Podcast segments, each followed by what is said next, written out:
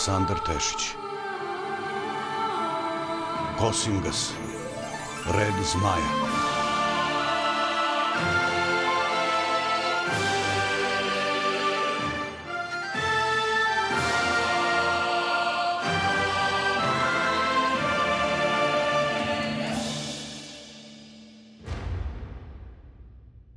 Epizoda osma. Coka. Sreda, 8. jul, leta gospodnjeg 6896. Tu noć ukućani malo probdeše, malo je prespavaše, a u zoru smo svi bili na nogama. Uzalud se Marko nadao da ćemo nastaviti put do podneva, jer nije znao da se mrtvi sahranjuju popodne. Kao što je jutro najbolje doba dana za rađanje, tako je smira i dana za sahranu. Odlučni da ne gubimo više vremena, dogovori smo se da krenemo posle sahrane, a pošto ćemo ići putem, usudit ćemo se da idemo i noću. Prvo u ušće, pa u magliće.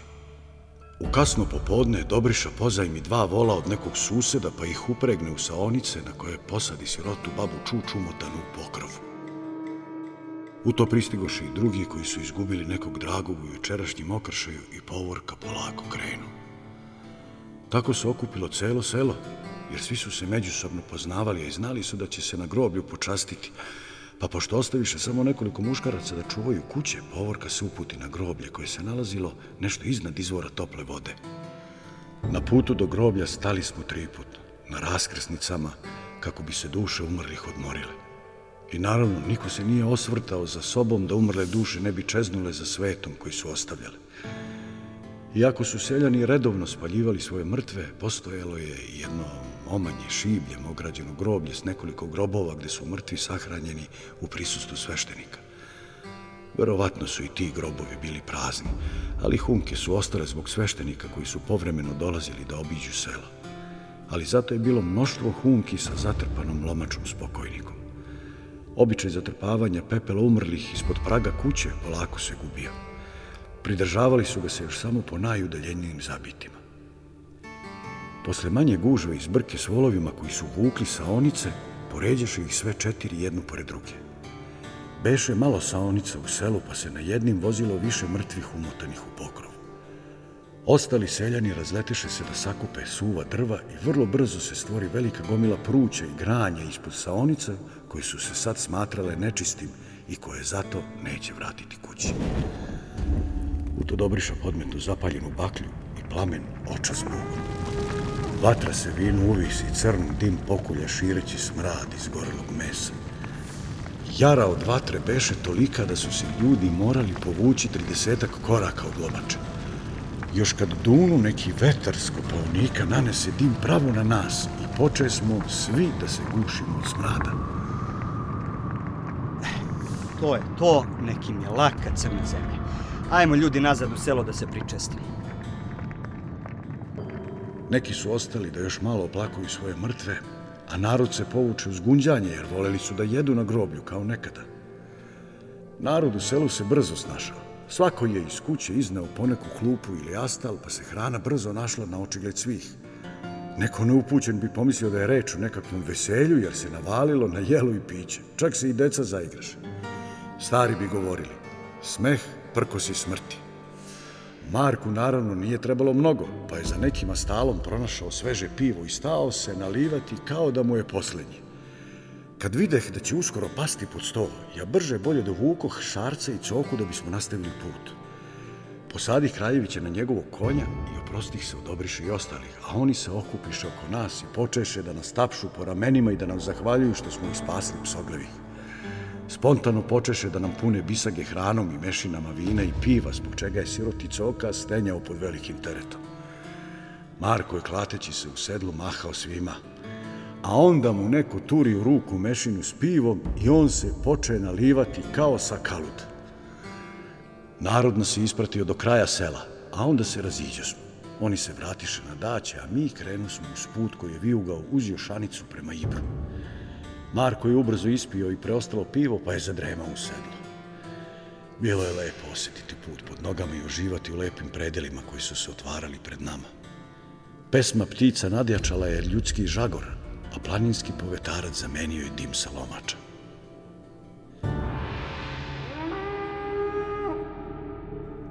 Dva sata kasnije, kad smo izbili na trgovački put na Ibru, mrak je već počeo da se spušta. Pa ipak nam je širok i dobro utaban put ulivao onu staru sigurnost, iako nikoga nije bilo na vidiku. Trgovci i drugi namjernici veče bi dočekali pod nekim krovom, jer redko ko bi se upustio da bez oružene pratnje putuje noću. Marko se dotad već bio treznio i bio je raspoložen za razgovor. Ide ste ti kad u svoj gornjak, Gavrilo? Ili se samo smucaš po bestragijama? Navratim kad kad. Poslednji put za uskrs pre četiri godine. Odavno. Odavno, da. Volim tamo da odem, ali za mnoge nisam dobrodošao. Do duše Iguman me lepo primio, ali jedva je čekao leđa da me vidi. Jednom smo se raspravljali, on je tada rekao ti Kosinga se samo donosiš nevolju i navlačiš zlo. Mada on zna da taj manastir da ne beše mene ne bi ni bio sagrađen. Kako to?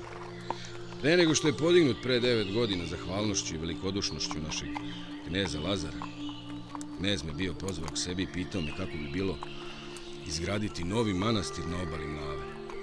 Ako ne znaš, prvi manastir beše u stvari jedna zazidana pećina kraj puta na pola sata hoda pre novog manastira. Grad Ždrelo beše na ulazu u Klisuru. ne znam komu dade to ime, ali dobro ga se setio. Beše to Ždrelo nema ni zvane u omulje.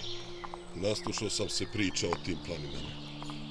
A još kad mi reče da je pod njima čvorište, hm, toliko je tamo opasno, jeli? Ždrelo beše poslednji grad, a kad smo odlučili da proširimo Božju reč u tom kraju, mnogi su nas smatrali sa kaludama. Znajući da je stari gornjak još čitav, ali napušten jer su ga neljudi često napadali, da bi na kraju i pobili sve monahe.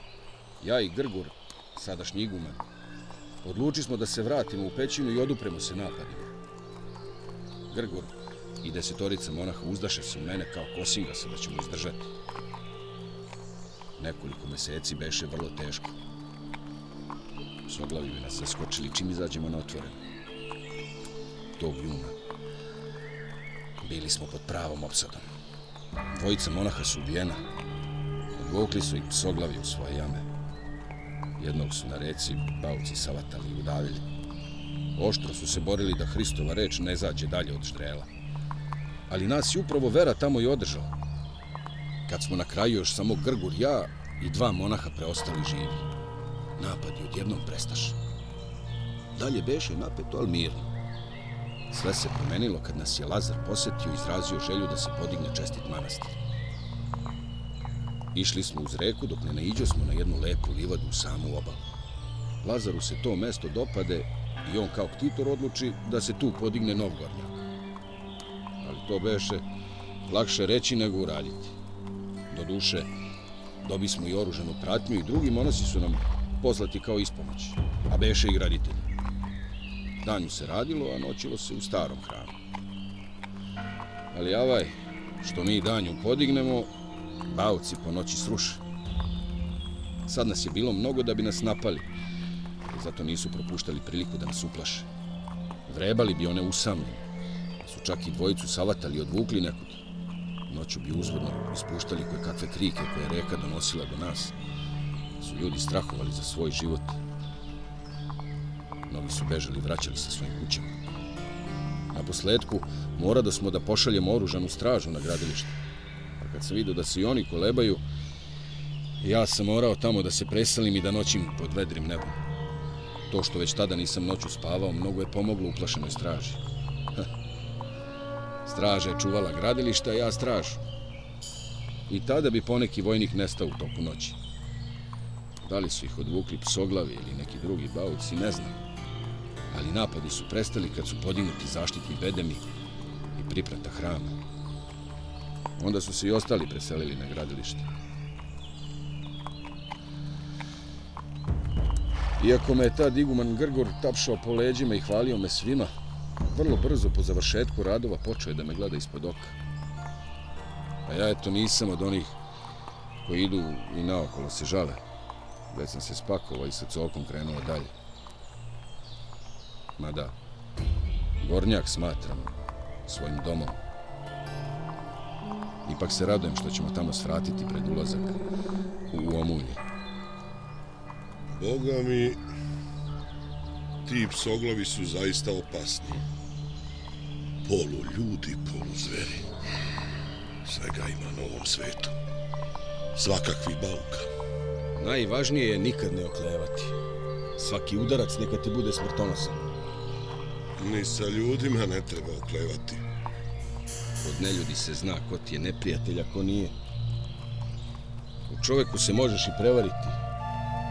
Sa psoglavim nikad. Vreme je uz razgovor brzo prolazilo, ali negde oko ponoći umor nas sustiže pa se učuta smo. Srećo mušće je bilo blizu, a samim tim i odmor.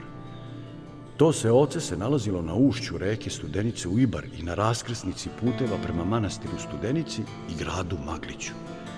Zbog svog položaja bilo je opasano drvenim zidom visokim tri hvata, a s južne strane, odakle smo i mi dolazili, morao se preći Ibar preko jednog drvenog mosta i kroz dobro čuvanu kapiju. Ono se nije moglo odbraniti od neke veće najezde, ali je sprečavalo upade razbojnika. Zbog blizine utvrđenog Maglića i Studenice, ušće je bilo prometno mesto. Budući na trgovačkom putu, u njemu je bilo nekoliko krčumi u kojima su namirnici mogli da noće. U selu je bilo zidara, grnčara, sedlara, kožuhara i kovača. Ljudi su se uglavnom bavili zanatstvom, mada je bilo i seljaka koji su svoju robu iznosili na pijacu. Taj kraj bio je gusto naseljen, pa se nekoliko sela nanizalo duž puta za studenicu. Ali na putu od Ušća za Maglić ulazilo se u Klisuru i sve do tog utvrđenog grada nije bilo naseobina, pa put nije bio bezbedan. I taman da uđemo u posljednju okuku pred mostom, srećni što je odmor blizu, kad s leve strane od groblja, u mraku na nas nabasa grupa ljudi koji su nešto nosili na ramenima. Lica su se samo nazirala. Prepali smo se jedni od drugih, a Marko se lati svog zmaja.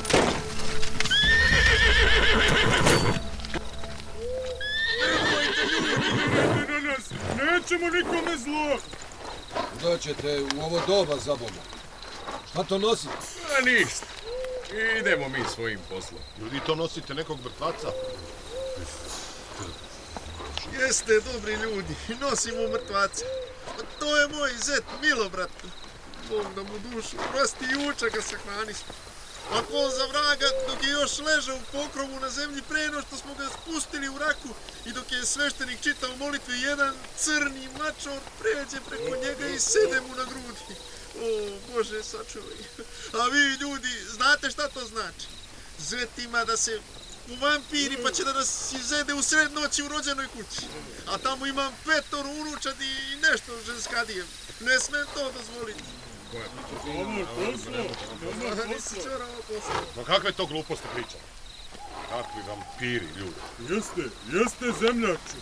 Hoće da se po vampire ako ih preskoči neka životinja ili preleti ptica. Moramo ga spaliti pre ponoći. Ponoć vam je već prošla. Jesi ti siguran u to zemlje? Jesam. Baratam vremenom vrlo dobro.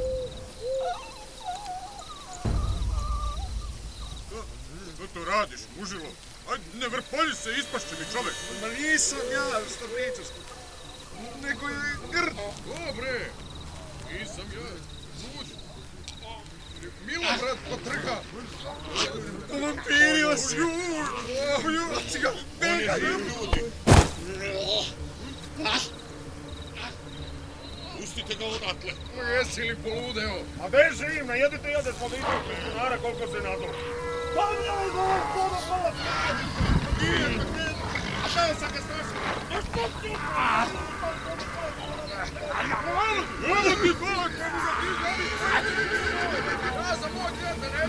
Ti kao ti, već mu da mu to.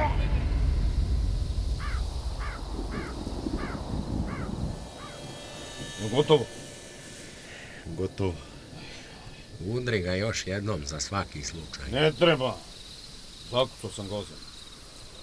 Trebao si poneti još jedan kolac. Šta sad? Kako šta? Spalit ćemo ga po dogovoru. Ja da ga diram neću. Ajde, Budine, ne može ti više ništa. Dođi ovamo, zakovan je za zemlju, moramo ga zajedno podići i odneti. Ajde, ajde upijemo. Odo smo mi sad, ostajte s Bogom. Ajde, srećno vam bilo. Trebali smo ga odmah spaliti. Ne bi se ovo desilo. Evo sam ja, ali kako kad je došao pop. Mora da smo ga. Ma kakva zemlja. Pametni su naši stari. Odmah na lomaču pa da vidiš kad će se povampiriti spet. Je li Gavrilo? Ili ono zaista beše vampir? Da nisu sahranili živa čovjeka. Jes vampir. Kako je to moguće? To su samo priče. Jesu priče. Ali priče ih oni koji su to videli. Eto sad si i ti vidio pa ćeš i ti pričati. Mrtvac ne postaje vampir samo zato što je crna mačka prešla preko njega. Bio je on to i za život, ali nije znao. Vampirizam ti je bolest, kraljeviću moj, bolest, slično besnu, ali iz nekog razloga dolazi do izražaja tek nakon smrti i prenosi se ugrizom. Tako bar patuljci tvrde. Oni kažu da sve znaju. Hoćeš da kažeš da je Milobrata ujeo vampira da on to nije ni znao? Tako je. Izazvao je bolest od koje čovjek slabi, pa je nepažnjom upao u bunar. Neko se udavi u reci ili padne s visine. Ali istina je da mačke umeju da prepoznaju vampira, pa se penju po njima. Zato ljudi kad to vide odmah znaju šta će se desiti. Gadne li stvari? I onda kad se povampiri, ide pa drugima pije krv. Upravo tako. I širi bolest. Ona se prvo pojavila na Uralu, ali se od nas raširila po Evropi. Čak su svi prisvojili naš naziv. Vampir. Potrova smo svet, jeli?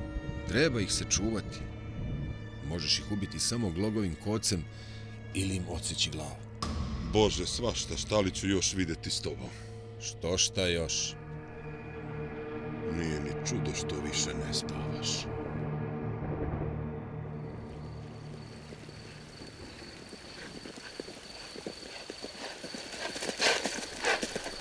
Izbi smo na drveni most na Ibru. Jedna baklja je osvetljavala drvenu kapiju. Uđite, uđite, dobri ljudi. Zašto putujete po mraku? Opasno je to za vas. Moralo se, sinku. Vreme ne pita kad se duše moraju spasavati. Prođu smo niz ulicu koja je motala malo udesno i udaljavala se od reke.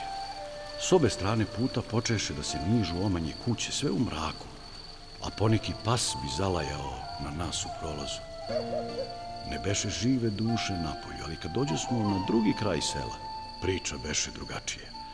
Tu su jedna uz drugu bile krčme iz kojih je dopirala vesela graja i širili se raznoliki mirisi hrane. A stomak, kao da to vidi i čuje, odmah se javi krčenjem i oseti strašnu glad. Usput sreto smo ponekog koji bi nas čudnovato gledao, jer ruku na srce beše neobično videti zajedno monaha i viteza usred noći. Kako se pojavismo na vratima, zapahnu nas izmešan miris oko jakih jela, vina i piva. Unutra beše tridesetak muškaraca, neki su stajali, neki sedeli na klupama za stolovima sklepanim od osaka. Gledao sam po prostoriji, tražio njegotu, gazdu krčme i mog starog prijatelja. Videh da moramo ući ili izaći, jer stajati na ulazu nije dobro. Izgleda kao da nekog tražimo. A ko koga traži posle ponoći? Gavrilo. Njegota prijatelju stari. E pa drago mi je da te vidim, Gavro. Godinama te nema ovamo. Već sam pomislio da si se upokojio ili da ti je neki bauk došao glave. Ma hajde, znaš da grom neće u koprive. E pa neće grom, ali bar znamo ko voli jesti komprive. Jezik pregrizo njegota. Čuvam život kao da je tvoj. E, a ko ti ovaj pratilac? Moj prijatelj i saputnik Mari. Prijatelji su danas redki kao zlatnici, možda i vredniji. E pa, dobro došao u moju krčnu. Ajde, ajde da sednete, imam tamo u čošku jednu praznu. Ajde. Crni Gavrilo, otkud i ovo doba noći? Zar se noću putuje za, za sigurnost umor? Ajde, ajde. Dobar čovjek, vidi se. Kao hleb. Živeo je s porodicom na Dubravici. Ali kad su Osmanlije upale u Srbiju pre osam godina, spališe mu kuću, odvedoše ženu, a četvoro mu dece pobiše. Njega htedoše da zakolju, otud mu onaj ožiljak. Ali uspio je da se spase povukavši svog dželata sa sobom u reku.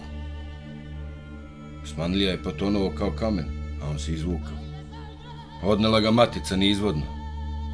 Sutradan je prišao vojci Vitomira koji je krenuo da udari na Osmanlije. Kaže da je krvavo osvetio smrt svoje dece. A kad to njegota kaže, onda znaje da je tako. Jadnik još se nada da će jednog dana pronaći svoju ženu svetu.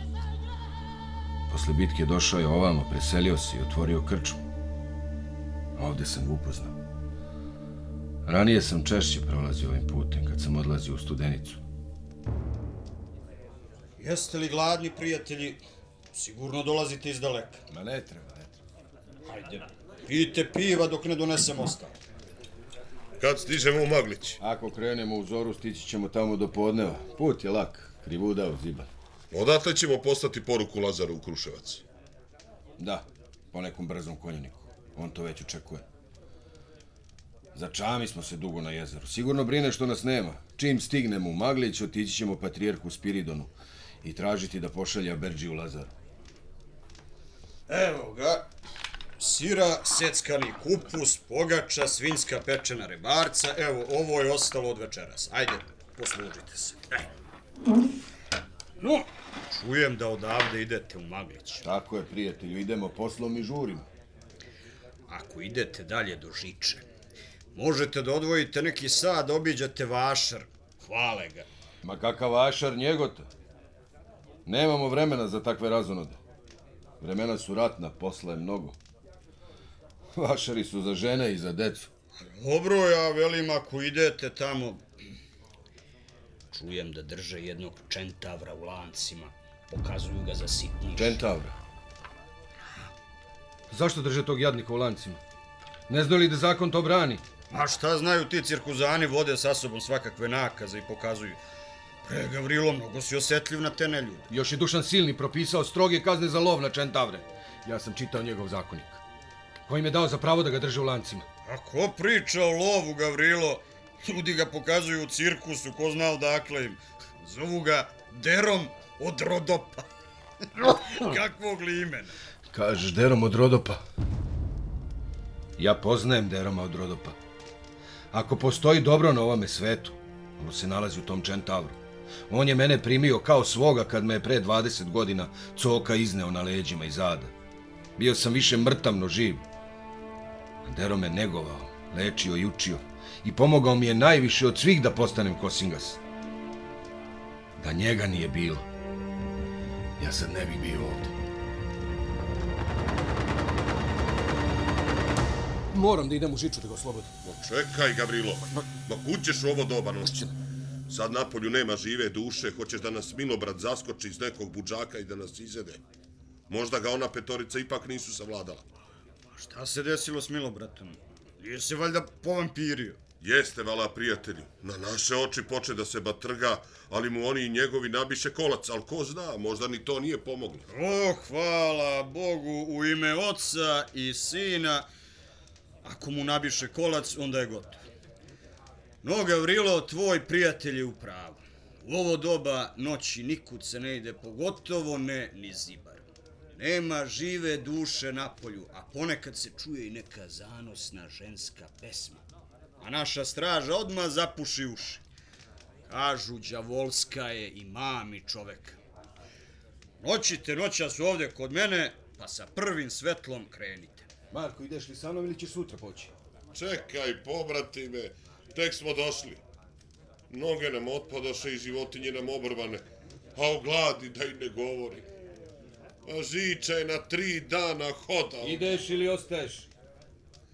Ma idem, znaš da ću da idem, ali čekaj bar da nešto pojedem i popijem, pa ću s tobom po tog kiklopa. Nije on kiklop, on je čentavr. Ono što Grci zovu kentaur. I prijatelj mi je. Dobro, de, ne ljuti se. Sedi da pojedemo ovo pa ćemo krenuti. No njegota, zamolit ću te da dotad bar nahraniš i napojiš one dve sirote rage ispred tvoje krčme. Ako ćemo noća svi četvoro negde da skončamo, da bar budemo siti napojeni. Ajde, sedi, Gavrilo. Izbavit ćemo tvog prijatelja. No, pričaj mi o njemu, Gavrilo. Kako ste se upoznali, gde je? Otkud to da te nije prekrajčio, nego te njegovo? Uzdahnuh duboko i kao nekom čarolijom pred očima mi se ukaza taj prizor od pre 20 godina. I čuh sebe kao u daljini, kako priča Marku. Iz tog pakla sam se izbavio sasvim slučajno, kad me jedna nabujala ponornica odnela sa sobom. Nakon što me izbacila na neku podzemnu obalu, izbauljao sam na suvo i ne sjećam se koliko dugo sam ležao u nesvesti ili budan. Mrkli mrak je čudo. Posle dužeg vremena ne znaš da li spavaš ili si budan ili možda sanjaš. A posle toliko vremena provedenog u adu čovjek počne da razmišlja kao te živuljke koje život provode u tunelima. Naučiš da osluškuješ, razaznaješ neke mirise i što je najvažnije savladaš osjećaj kretanja vazduha. Bez toga nema spasa. Ali suština preživljavanja je, kao što rekoh, ostati pribran. No to nije lako kad ne vidiš ni prst pred nosom i kad ne znaš ni gde se nalaziš, a još te bole zledi od tih bauka koji te u mraku vide i grizu, a ti ne znaš ni od čega se braniš. Kad sam došao k sebi i pridigao se na kolena, osjetio sam strujanje vazduha ispred sebe. Strujanje je bilo neobično jako, što je značilo da su tuneli prostrani, i dobro provetreni, ali je bilo verovatnije da će neki bauk osjetiti moj miris. Znajući da je najopasnije tavrljati uspravno, krenu četvoronoške, pažljivo opipavajući tlo i pamteći sve neobične izrasline u slučaju da počne da se krećem u krug. Ali kako sam dalje odmicao, to strujanje vazduha bilo je sve jače. Uskoro sam osjetio da je vazduh malo topliji, pa sam ubrzao puzanje. Kad sam u vazduhu razaznao miris zelenila, više nisam osjećao krvave dlanove i kolena. Posle 40 dana provedenih u adu, želja za spoljnim svetom beše toliko jaka da nesmutreno postupih pa se uspravih ne bili potrčao. Pao sam posle nekoliko koraka i još više se ugruvao. Očih sebi da govorim da treba da se saberem, da se ne bi desilo da skončam na dogmak izlaza.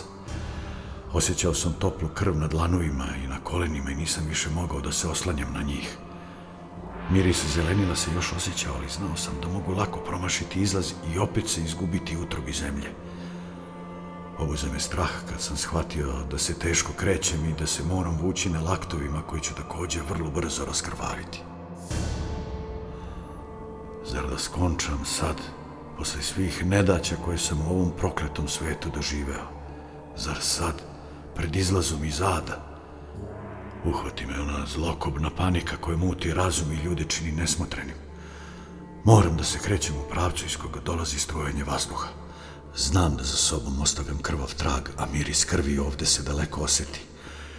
I znam da su neki bauci već krenuli za tim mirisom, a oni vide po mraku i brzo se kreću. Mislio sam da ću zaplakati. Kad odje Dared, osjetih drugačiji miris u vazduhu i stadoh kao ukopan. Bio je to miris životinje i nekakve truleži.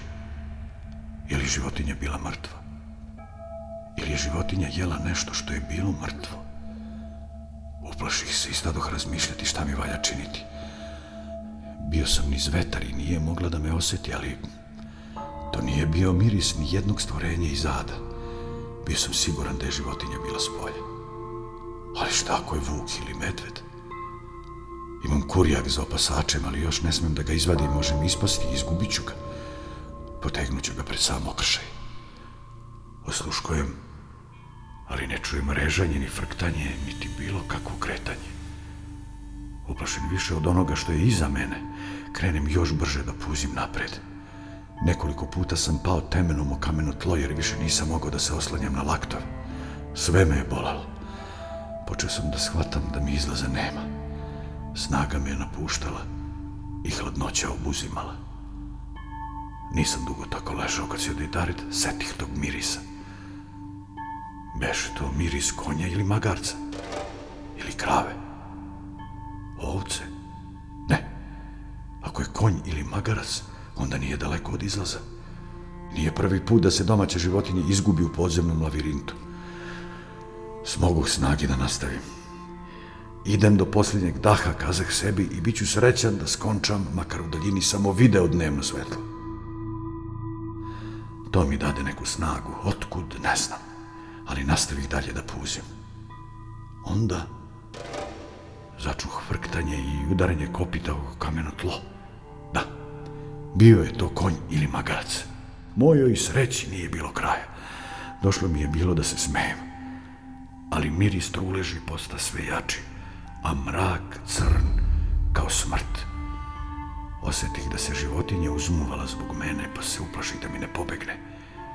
Stado ih joj nežno tepati. Otkud ti, mila moja, ovde? Koja te je nevolja naterala da se ovde skloniš? Imaš li ti gazdu? Dođi ti kod mene. Ćemo zajedno izaći. Ajde. Onda nabasah na neku mrcinu na zemlji. Beše velika, napipah i ruke koje se završavaju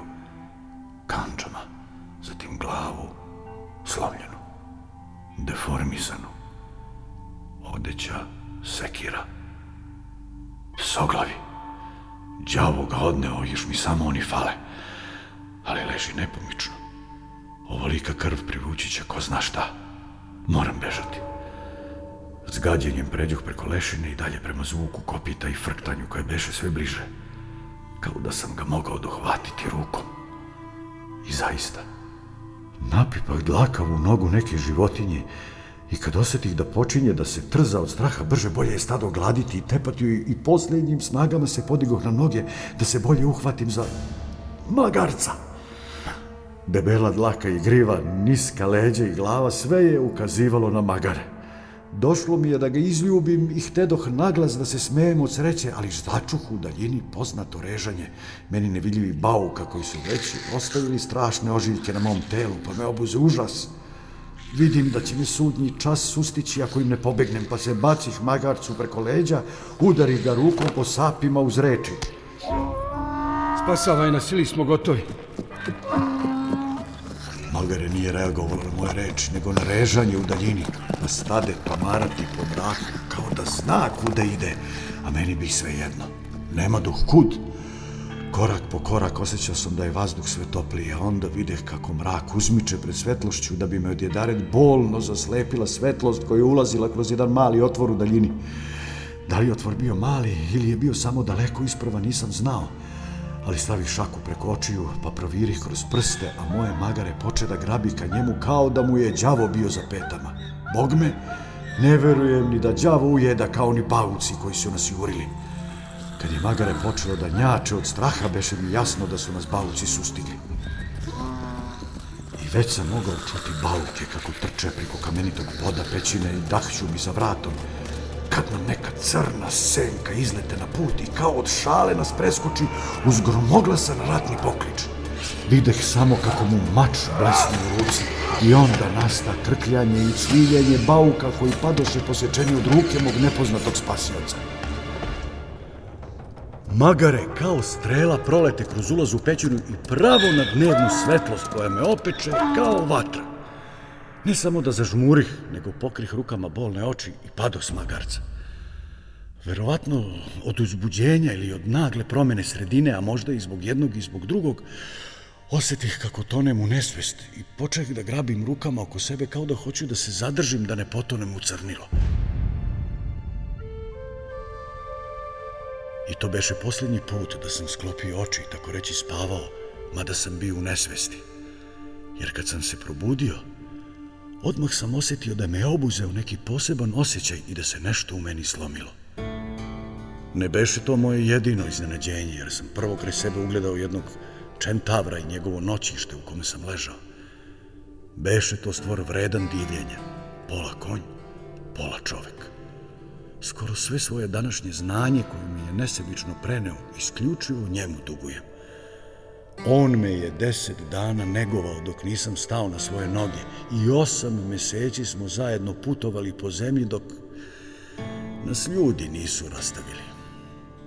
Ljudi su njegovu vrstu proganjali, lovili i ni podaštavali.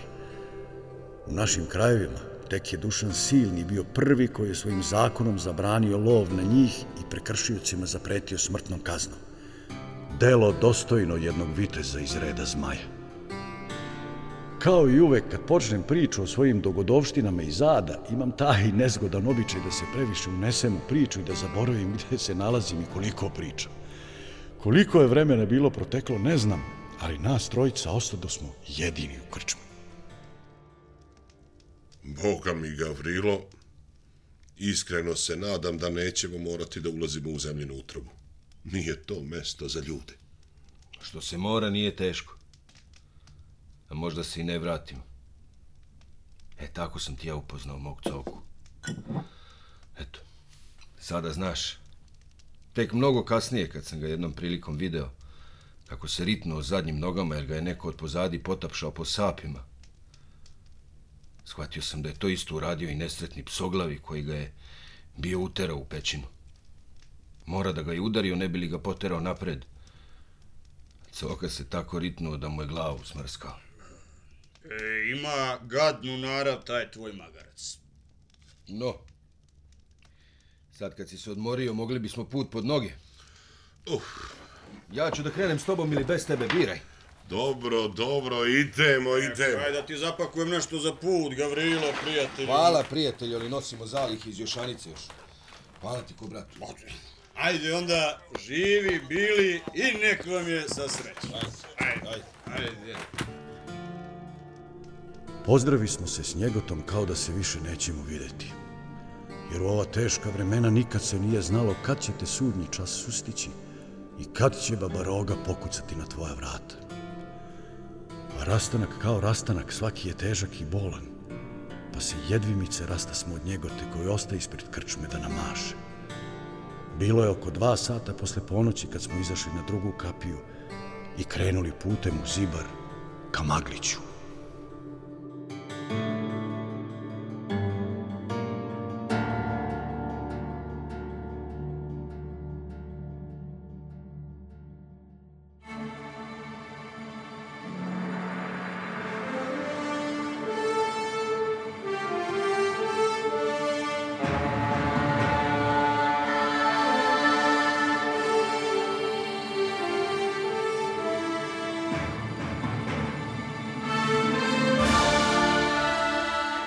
Slušali ste osmu epizodu Kosingas, Red zmaja Aleksandra Tešića.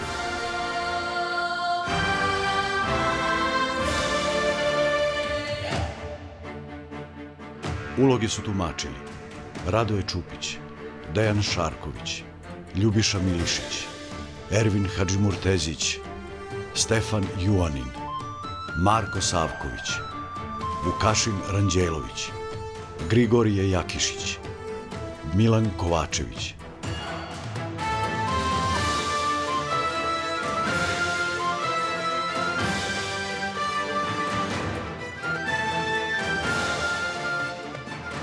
Dizajn zvuka Aleksandar Marković. Ton majstor Milorad Ićitović. Reditelj Manuel Srbin. Kompozitor Nikola Jeremić. Organizator Suzana Simić. Urednik dramskog programa Slobodan Govorčić.